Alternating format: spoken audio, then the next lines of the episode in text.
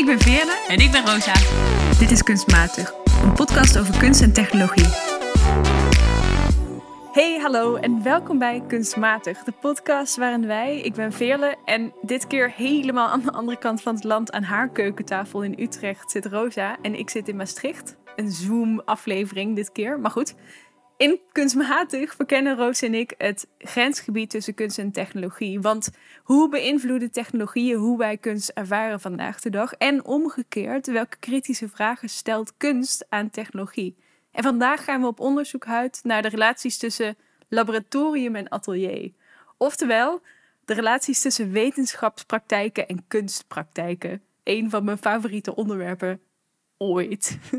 Waarom vind je dat zo'n leuk onderwerp? Nou, ik ben afgestudeerd op artistieke onderzoekspraktijken. En ik vind het heel erg leuk om te kijken hoe kunstenaars ook manieren van onderzoek doen. Hoe kunst eigenlijk ook ander soorten kennis oplevert. En ik vind dat grensgebied altijd heel erg mooi.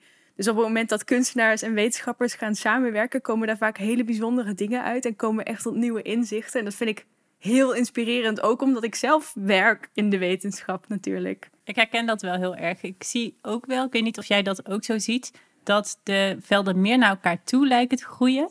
Ik was nu de afgelopen dagen bijvoorbeeld op een online conferentie die met name gericht was op wetenschappers. En daar waren dan ook kunstenaars aanwezig die over hun projecten vertelden.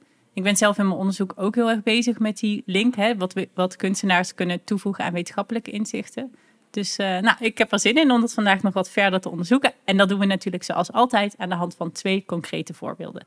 Kunst en wetenschap groeien misschien nu naar elkaar toe, maar het leuke daarvan vind ik dat ze in het verleden ook op heel veel verschillende manieren ook verweven zijn. Denk aan, weet je, hoe het vroeger zelfs zo was dat kunstenaars deel van het onderzoek deden naar nieuwe plantsoorten, nieuwe insecten. En.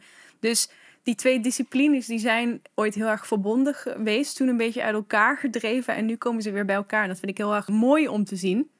En ook omdat technologieën daarin dan een soort nieuw materiaal zijn waar ze allebei gebruik van maken. Deze aflevering gaan we dus kijken naar wetenschapspraktijken en kunstpraktijken en de momenten waarop die samenkomen. En we gaan dat doen aan de hand van twee concrete vragen. De allereerste vraag daarvan is: hoe kan kunst bijdragen aan wetenschappelijk onderzoek? En we gaan het hebben over hoe kan kunst leiden tot nieuwe manieren van onderzoek doen, tot nieuwe onderzoeksmethodes. En daarbij aansluitend, hoe kan het leiden tot reflecties op de manier waarop we misschien vandaag de dag tot dit punt wetenschappelijk onderzoek hebben gedaan? Grote vragen dus. En uh, ik wil graag aan jou vragen, Vele. Wat heb je deze keer meegenomen? Ik heb een project meegenomen dat heet Dear Data. En het is een project van uh, Giorgia Lupi en Stefanie Posavec, Italiaanse uh, ontwerper, designer en een Amerikaanse uh, ontwerper, designer. Ik ben een beetje voorzichtig, omdat ze noemen zichzelf information designers. Okay. En daar is niet een heel goed Nederlandse vertaling van, denk ik. Een soort informatieontwerpers. Maar om het even wel inzichtelijk te maken waar we het dan over hebben, Denk even aan alle grafiekjes en datavisualisaties en plaatjes die je bijvoorbeeld in de krant of op het nieuws voorbij ziet komen. En nu heel veel van coronacijfers, maar je ziet ze elke dag in allerlei hoedanigheden in de krant staan en in het nieuws voorbij komen, of op Facebook als je scrolt. Mm. Die zijn allemaal door iemand ontworpen op enig moment. En dat vergeet je heel gemakkelijk. Ja, dat is waar. Daar denk ik eigenlijk niet zo vaak over na. Dus datavisualisatie is waar deze twee vrouwen zich mee bezighouden. En het project Dear Data is dan weer net even wat anders dan je je misschien daarbij voorstelt. Want het is een soort mailart project. Een postkunstproject.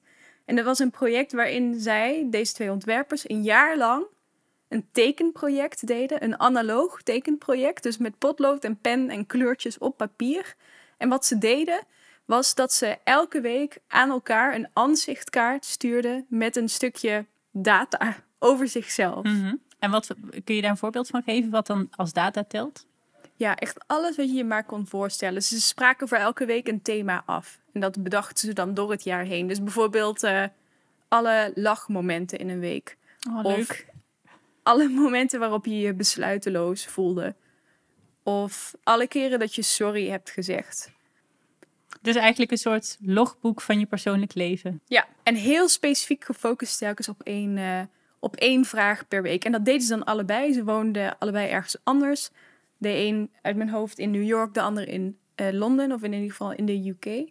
En na die week stuurden ze dan die aanzichtkaart naar elkaar op en begonnen ze met de volgende.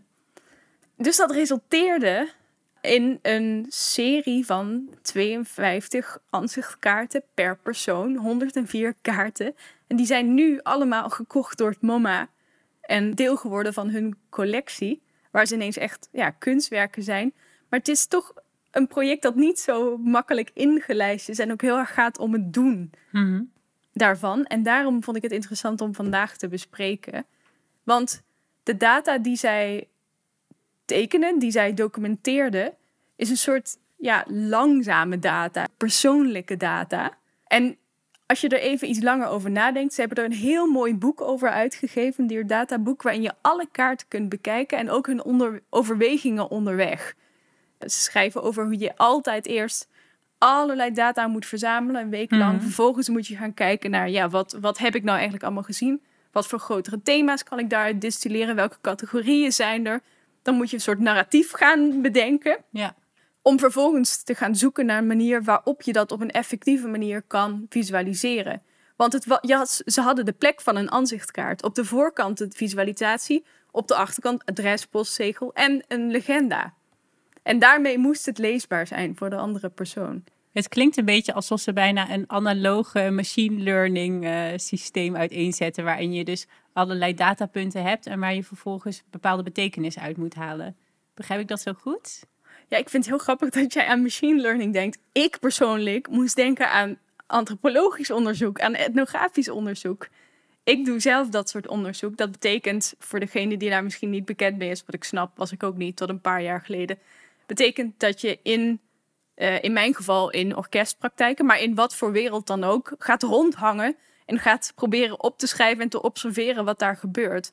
En wat je dan doet als etnograaf is manieren vinden om te documenteren wat jou interessant lijkt. Dat begint heel breed en dat wordt steeds specifieker. Dan schrijf ik ellenlange field notes, mhm, mhm. waarvan ik misschien 90% niet gebruik op het einde, maar dat heb ik nodig om vervolgens telkens meer toe te spitsen. Dus daar doet het me ook heel erg aan denken. Het doet me denken aan, ja, hoe kan ik bijvoorbeeld mijn eigen data, mhm. mijn eigen materiaal uh, visualiseren? En hoe dun is die lijn tussen soort onpersoonlijke data en materiaal dat jij dus zelf aan het genereren bent. Je maakt dat. Iemand maakt dat. Ja, want dat vind ik wel interessant als ik nadenk over de titel ook.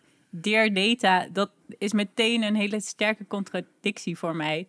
Uh, omdat we data toch vaak inderdaad als iets digitaal zien en als soort van abstracte informatie.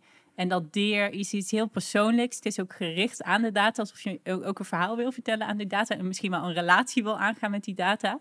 Dat vind ik wel, vind ik wel mooi aan de titel. Dat is, dat is ook heel mooi aan de titel. En dat is ook sowieso heel bewust gedaan. Want ze schrijven ook dat het een soort.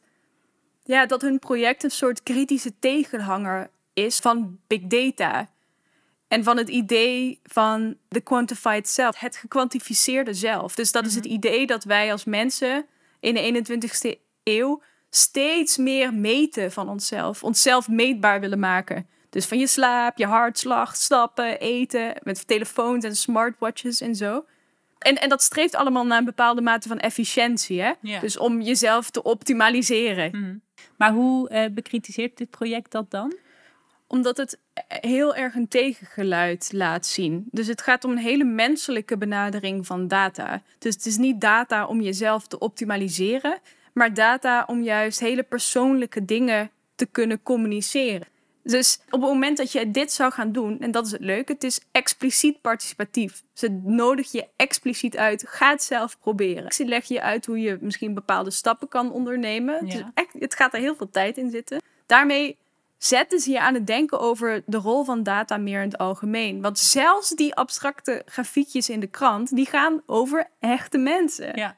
En Ville, jij, jij doet zelf ook etnografisch onderzoek. Is er een manier waarop je denkt dat dit project jouw eigen onderzoek kan beïnvloeden? Heeft het dat misschien al gedaan? Nou, dat heeft het nu nog niet per se gedaan. Behalve dat ik dus met een collega van mij dit wel ben gaan doen. Omdat wij dachten, dit is onwijs leerzaam. Op een speelse manier. En het is heel leuk om in lockdown te doen. Omdat het ja, het geeft je houvast. En het is heel grappig om een week lang bij te houden wie er het meeste praat in je Zoom-meetings. Surprise, oude professors. dus dat is heel leuk om mee bezig te zijn. Maar het zette me zo aan het denken van... Wat steeds gewoner is in de wetenschap, is dat je in een team werkt. Het is bijna nooit meer zo dat je dat oude beeld van zo'n professor achter zijn bureautje die in zijn eentje alles doet. Dat is gewoon niet meer de realiteit van de wetenschap. Dus je werkt altijd in teams. Dus ik dacht, dit soort dingen zou je ontzettend goed kunnen gebruiken om onderling in je team samen eh, bepaalde observaties te delen. Uh, dat vond ik heel inspirerend.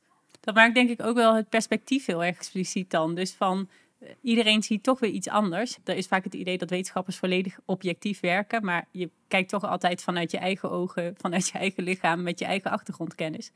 En ik ben heel benieuwd hoe dat eruit zou zien als iedereen op dezelfde manier naar een ruimte kijkt. Uh, wat wordt er dan gevisualiseerd en welke datapunten vallen dan op? Ja, dus het is echt een uh, hele reflexieve, maar ook innovatieve manier om na te denken over hoe documenteren eigenlijk werkt.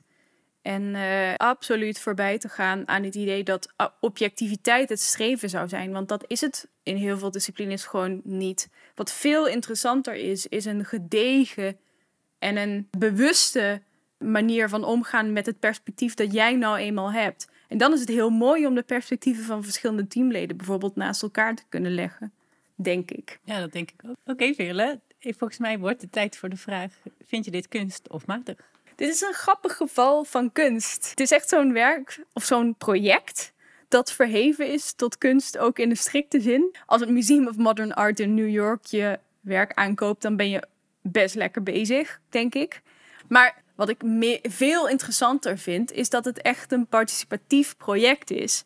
Dus het gaat om de praktijk van het doen, de menselijkheid daarvan. En dat het eindelijk eens een keer de, de worstelingen en de strubbelingen laat zien die altijd in onderzoek verborgen worden of nooit in een eindresultaat terechtkomen. Dat is heel zichtbaar in dit project. En dat vind ik erg mooi en een heel erg grote inspiratiebron voor hoe we op andere manieren over, over wetenschap zouden kunnen communiceren ook. Heel tof, ik ga daar ook eens anders over nadenken. En Roos, wat heb jij meegenomen dit keer? Ik heb deze keer een kunstproject meegenomen dat gemaakt is door twee mensen. Allereerst kunstenaar en biohacker Heather Dewey Hackborg en Chelsea Manning, die je misschien wel kent als een politiek figuur. Zij was betrokken bij de WikiLeaks documenten en heeft een tijdje in de gevangenis gezeten. En ze hebben samen een project gemaakt dat heet Radical Love Chelsea Manning. En wat ik heel mooi vind aan dit project is uh, met name eigenlijk het proces. Het is echt een project waarin kunst en wetenschap samenkomen. Maar kan je eh, misschien eerst even iets over het werk? Waar kijken we naar? Waar hebben we het over? Het project is, bestaat eigenlijk uit twee maskers die 3D geprint zijn. Dus als je ze in een tentoonstelling ziet, dan zie je eigenlijk twee gezichten die aankijken. En ze zijn heel echt. Dus je kan de gezichten echt uh, nou ja, aankijken zoals je mensen zou aankijken. Heather Dewey Hackwork is dus een kunstenaar en een biohacker. En ze kan heel goed overweg met um, uh, DNA, uh, phenotyping praktijken. Dus dat is eigenlijk dat je op basis van DNA menselijke portretten kunt maken. Mm. Nou, en die techniek die wordt heel veel gebruikt in forensisch onderzoek. Dan kan op basis daarvan een gezicht worden gemaakt om iemand op te sporen. En wat Heather Dewey Hackwork, die kreeg in 2015 een verzoek van Paper Magazine of zij een portret wilde maken van Chelsea Manning. En Chelsea Manning die zat dus destijds in de gevangenis vanwege die WikiLeaks-praktijken. En wat belangrijk is om te weten is dat Chelsea Manning eigenlijk in die tijd dat ze in de gevangenis zat in gendertransitie is gegaan. Oké. En dat betekende dus dat er op dat moment geen representatief beeld van haar beschikbaar was. Dus dat was een probleem. En uh, Paper Magazine wilde graag uh, aandacht besteden aan het verhaal van Chelsea Manning. En die hebben toen contact opgenomen met Heather Dewey Hackborg met de vraag: Hey, jij werkt met DNA-profielen, je bent ook een kunstenaar. Zou jij niet een portret willen maken van Chelsea, zoals ze er niet uitziet, op basis van haar DNA? En dat was eigenlijk het begin van een heel mooi uh, samenwerkingsproject tussen Chelsea en Heather Dewey Hackborg. Uh, ze begonnen brieven te schrijven. En Chelsea die, uh, die vond het een heel tof project en die gaf akkoord. Dus die heeft haar eigen haar, wat haar meegestuurd mm. en een stukje slijm uit de wang.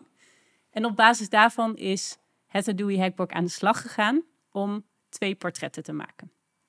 Nou, en wat nou zo interessant is aan dit project, is dat ze op basis van uh, dat DNA besloten heeft om de optie voor de bepaling van gender op twee manieren in te vullen. Dus wat er eigenlijk gebeurt bij het maken van zo'n DNA-portret, is dat bepaalde aspecten kun je wel uit de DNA opmaken, maar er is ook heel veel ruimte voor interpretatie van de onderzoeker. Oké. En op die momenten zijn stereotypen spelen een rol en er is eigenlijk best wel veel uh, ruimte nog voor onderzoekers om een soort aanname te maken van wat de meest uh, verwachte manier is waarop dat DNA eruit zou komen te zien. Maar op basis waarvan maken ze dat soort aannames dan? Ze maken dat soort aannames eigenlijk op basis van het DNA, dus biologische kenmerken die in het DNA verborgen zitten. En dit project focust dan op de gevallen waarin eigenlijk geslacht wordt afgelezen aan dat DNA. Maar er wordt vervolgens dan ook een interpretatie van gender gemaakt op basis daarvan. Dus het idee of iemand zich bijvoorbeeld identificeert als man, als vrouw of als non-binair. Um, en daar komen stereotypes ook nog bij kijken. Dus uh, bijvoorbeeld dat mannen altijd kort haar zouden hebben. En dat soort aannames die zijn natuurlijk niet neutraal. Die gaan wel een rol spelen in het creëren van zo'n portret. Want in dit werk heb je dan dus heeft twee gezichten gemaakt, als ik je goed begrijp. En die zijn verschillend van elkaar. Op welke manier? Nou, in overleg met Chelsea heeft uh, Heather toen besloten om twee portretten inderdaad te maken. En eentje, daarbij heeft ze de genderinstellingen zo aangepast dat er een meer vrouwelijk uitziend portret uit voort zou komen. En het andere portret heeft ze eigenlijk op een genderneutrale instelling gezet. Dus dan kwam hmm. er een androgyn portret uit. En nogmaals, dus, dit is allemaal bepaald met inspraak van Chelsea zelf. Dat vind ik wel hmm. belangrijk om te noemen. En wat het mooie daaraan is, is dat je ziet dat op basis van iemands DNA dus allerlei verschillende soorten gezichten zichtbaar kunnen worden. Daarmee geeft ze zowel een soort tegengeluid tegen die steeds terugkerende drang van de wetenschap om maar identiteit te willen vangen in de biologie. Iets waar, we, waar al jaren tegen gestreden mm. wordt. Uh, hele problematische geschiedenis mee zijn verbonden. Uh, en wat je toch ziet, steeds weer ziet terugkomen. In die zin geeft dit project, denk ik, en zichtbaarheid terug aan Chelsea. Ja, en onderzoekt het ook een beetje die grenzen van wat die technologie kan. En doordat het een kunstpraktijk is, laat het ook zien dat we alternatieve verhalen kunnen vertellen met die technologie. En Chelsea Manning is uiteindelijk in 2017 heeft ze gratie uh, gekregen van Obama destijds nog. Dus toen nou, mocht ze uit de gevangenis en toen heeft ze portretten zelf ook gezien en ze was er heel erg blij mee. En ik denk wel, Chelsea is zo'n groot figuur, dat dat wel een interessante samenwerking is. En ik denk dat daardoor het bereik van het project ook wel wat groter zou kunnen zijn. Ja, wat ik wel interessant vind is dat dit, dit project eigenlijk die twee vragen waar we mee begonnen samenbrengt. Ja. Dus het gebruikt wetenschappelijke onderzoeksmethodes om een kunstwerk te maken, letterlijk. Ik bedoel, eh, er zijn niet zo heel veel kunstenaars die volgens mij genotyping als maakmethode uh, adopteren. Best wel ingewikkeld. Je hebt gewoon heel veel specialistische kennis nodig. Maar tegelijkertijd, doordat die wetenschappelijke methode wordt aangewend om een kunstproject te maken, komt er ruimte om te laten zien: hey, dit soort dingen zitten als een soort routines in de wetenschap. Moeten we dat eigenlijk wel willen? Weer, wat we net ook al, wat jij net ook al zei, die drang om naar een soort objectief en eenduidig eindresultaat te komen, zit zo ingebakken in wetenschapspraktijken. En die ambiguïteit en de ruimte voor ambiguïteit in kunst, die komt hier heel mooi naar voren als een waarde waar de wetenschap van kunst zou kunnen leren. Ja, absoluut. Ja, en wat ik, wat ik heel interessant vind aan het project is dat die, die genderdingen en heel veel interpretaties heel gebaseerd zijn op waarschijnlijkheid. Dus er is een grote waarschijnlijkheid dat iemand aan bepaalde eigenschappen van identiteit voldoet. Alleen een grote waarschijnlijkheid is natuurlijk niet, nooit een 100%. Er zijn altijd andere waarschijnlijkheden. En het mooie aan kunstenaars is dat ze juist die, die momenten waarop het schuurt kunnen opzoeken, juist die alternatieve verhalen of die open verhalen die daar ook in liggen. Dus dat wat juist niet waarschijnlijk is, dat ze daarna op zoek kunnen gaan. En ik denk dat die, die verhalen van voorbij de grote aannames gaan, voorbij de waarschijnlijkheid gaan, juist heel belangrijk zijn. En er zijn ook daadwerkelijk wetenschappers die laten zien dat dingen zoals seksen en gender uh, helemaal niet zo eenduidig zijn. Dat daar ook andere interpretaties van zijn en dat dat niet zo vast ligt in ons DNA. Dus daar moeten we van af van dat idee dat we alles van, op basis van DNA maar kunnen bepalen. Nou, ik denk dat dat een goed punt is om uh, je te vragen wat dit project, Roos, kunststofmatig. kunst en ook een project dat de wetenschappraktijk op zijn kop zet en ook politiek heel belangrijk is. Hè? Dus het geeft zowel zichtbaarheid aan een heel belangrijk figuur, Chelsea Manning, aan haar verhaal.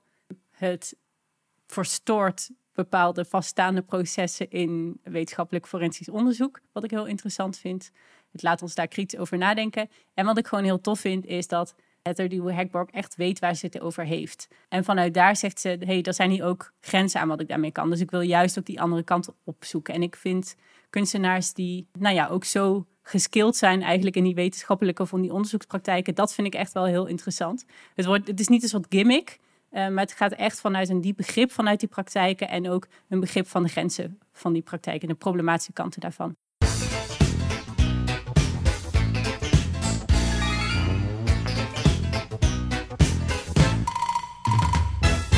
Deze keer in de gekke gadget rubriek hebben we een app meegenomen. Maar wel weer een app die is ontwikkeld door een combinatie van kunstenaars en ontwerpers en coders en wetenschappelijke onderzoekers. De app bestaat in beta-versie nu en die heet Street Swipe. Oké, dus niet Street View, maar we moeten gaan swipen met straten. Vertel eens wat meer. Exact. Uh, Street Swipe is een ja, wat ik al zei, een soort onderzoekskunstproject. Dat onderzoekt welke esthetische kenmerken, dus kleuren en patronen en objecten, we associëren met de staat van panden in de openbare ruimte. En hoe we aan dat soort esthetische aspecten kunnen zien hoe ver een buurt of een pand gegentrificeerd is.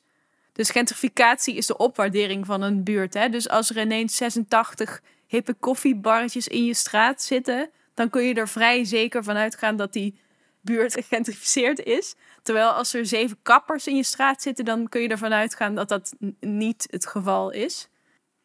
Ja, en misschien nog goed om wat verder op dat thema van gentrificatie in te gaan. Want je zei nu een opwaardering en dat hangt ook heel erg samen met bepaald beleid. Hè. Veel gemeenten hebben actief beleid gevoerd om ervoor te zorgen dat huizenprijzen stijgen, dat er mensen met, met meer inkomen, met hogere inkomens in bepaalde buurten gaan wonen.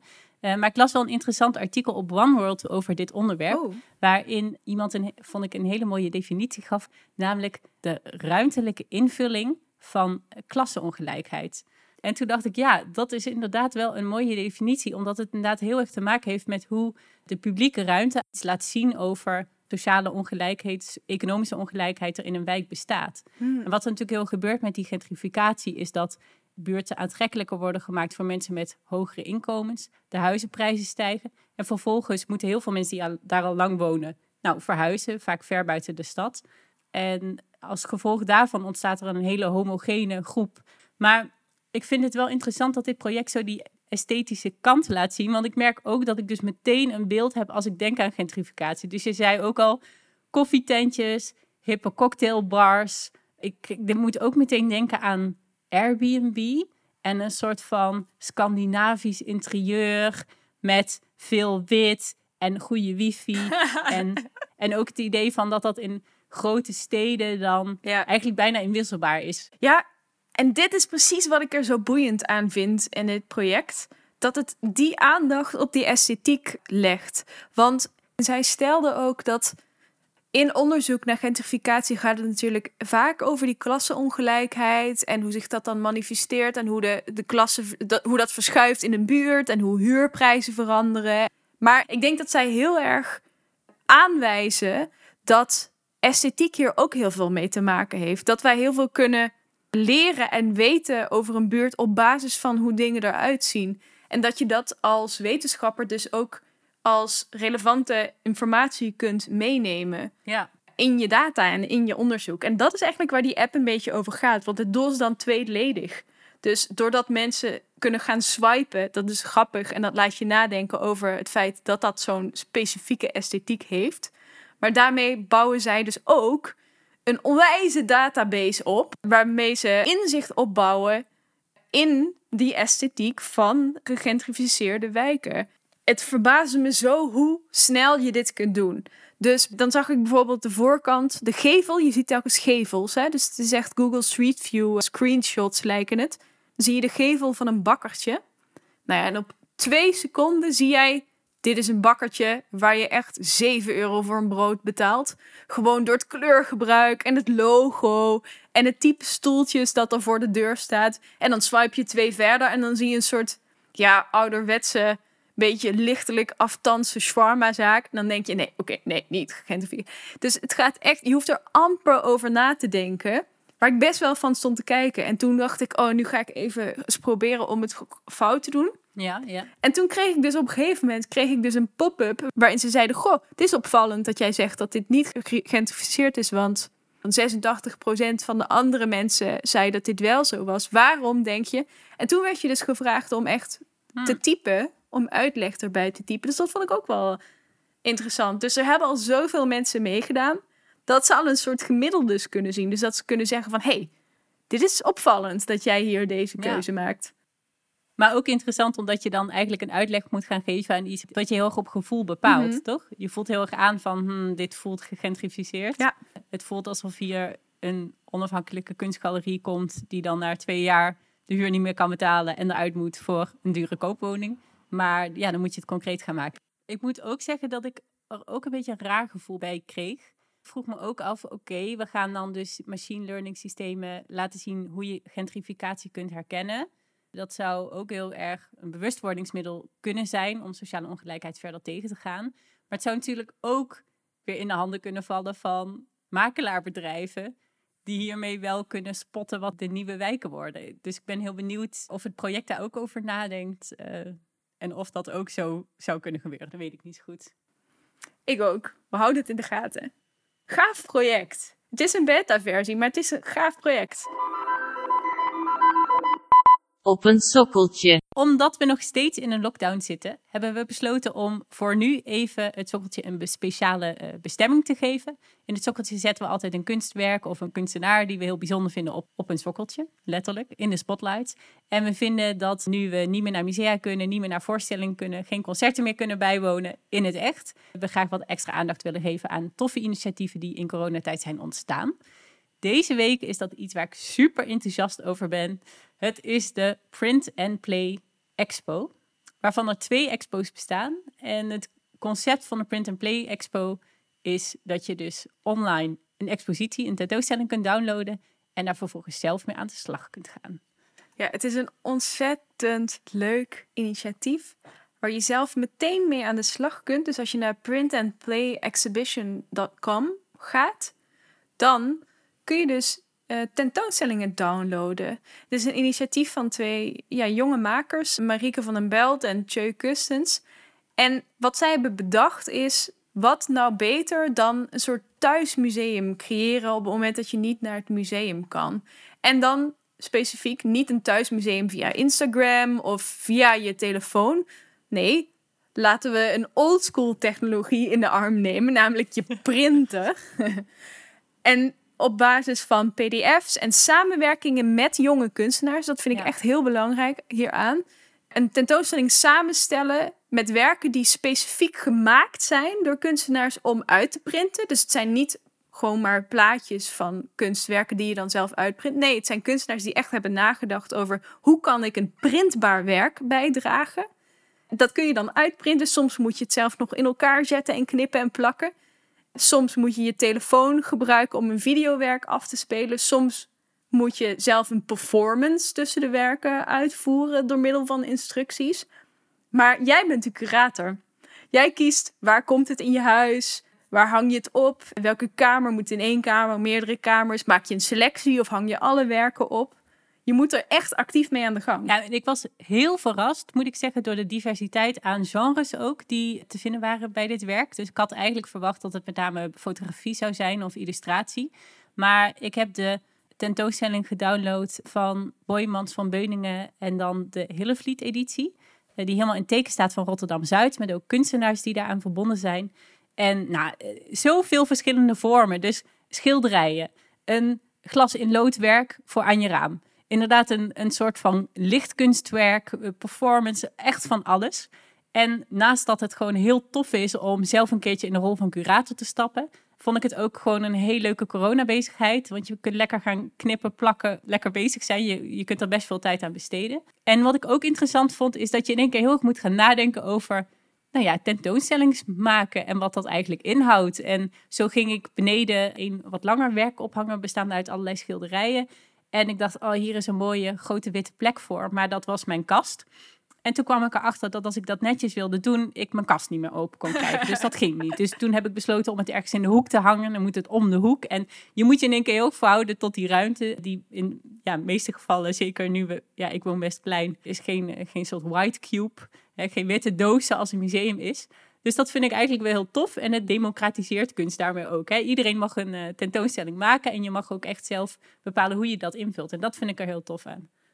En tegelijkertijd was het ook wat mij ontzettend verbaasde en wat me meteen heel erg voor het project innam, was dus dat het met in samenwerking is met jonge kunstenaars, met kunstenaars die echt uitgenodigd worden, ook in deze tijden waarin het moeilijk is voor kunstenaars, die uitgenodigd worden om een nieuw werk uh, te maken, die daar ook een vergoeding voor ontvangen. Het is echt ook een mooie manier om mensen aan het werk te zetten en op een andere manier na te laten denken over hoe je kunst kan maken in tijden van lockdown.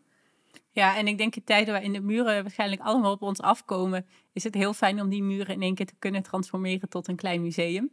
En wat me ook opviel, een van de werken uit deze expositie daagt je ook uit om in Rotterdam rond te gaan lopen. Nou ja, in deze tijd, als je niet in Rotterdam woont, lijkt me dat niet zo'n goed idee. Maar door de expositie in huis te halen, had ik ook het idee dat ik een stukje Rotterdam-Zuid in huis haalde. En dat vond ik er heel tof aan. Dus het is niet alleen een tentoonstelling. Nou ja, eigenlijk doet het precies wat tentoonstellingen vaak doen. Het laat je reizen, het laat je nieuwe perspectieven zien. En het laat je even ja, wat anders zien dan dat je de hele tijd in je eigen huis normaal eh, ziet. Dus ja, ik ben fan.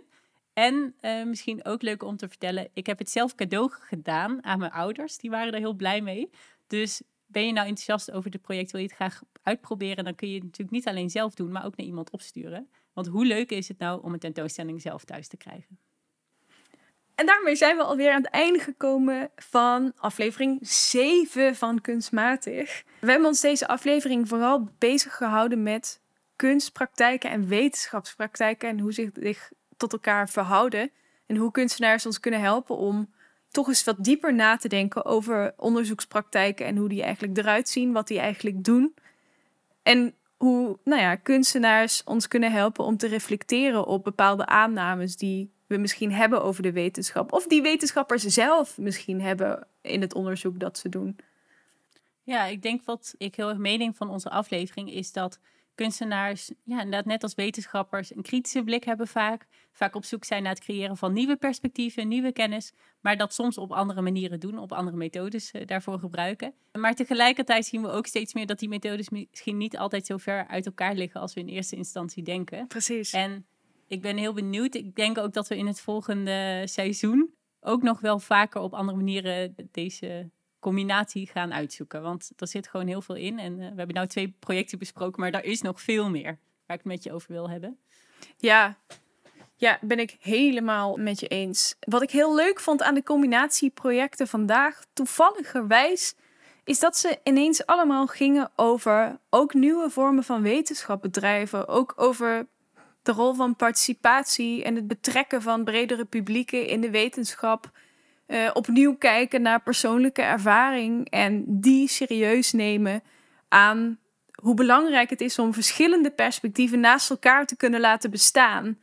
En als we naar een wereld toe kunnen waarin het niet afdoet aan de geloofwaardigheid van een kwestie, als er, weet ik veel, vier verschillende perspectieven zijn, die allemaal een waardevolle blik op de werkelijkheid werpen, nou, dat zou een, zou een soort vorm van wetenschap zijn waar ik ontzettend gelukkig van zou worden. Als we zo'n soort respectvolle manier verschillende dingen naast elkaar zouden kunnen laten bestaan. Tot op zekere hoogte, hè? Ik bedoel, het moet allemaal gedegen en serieus.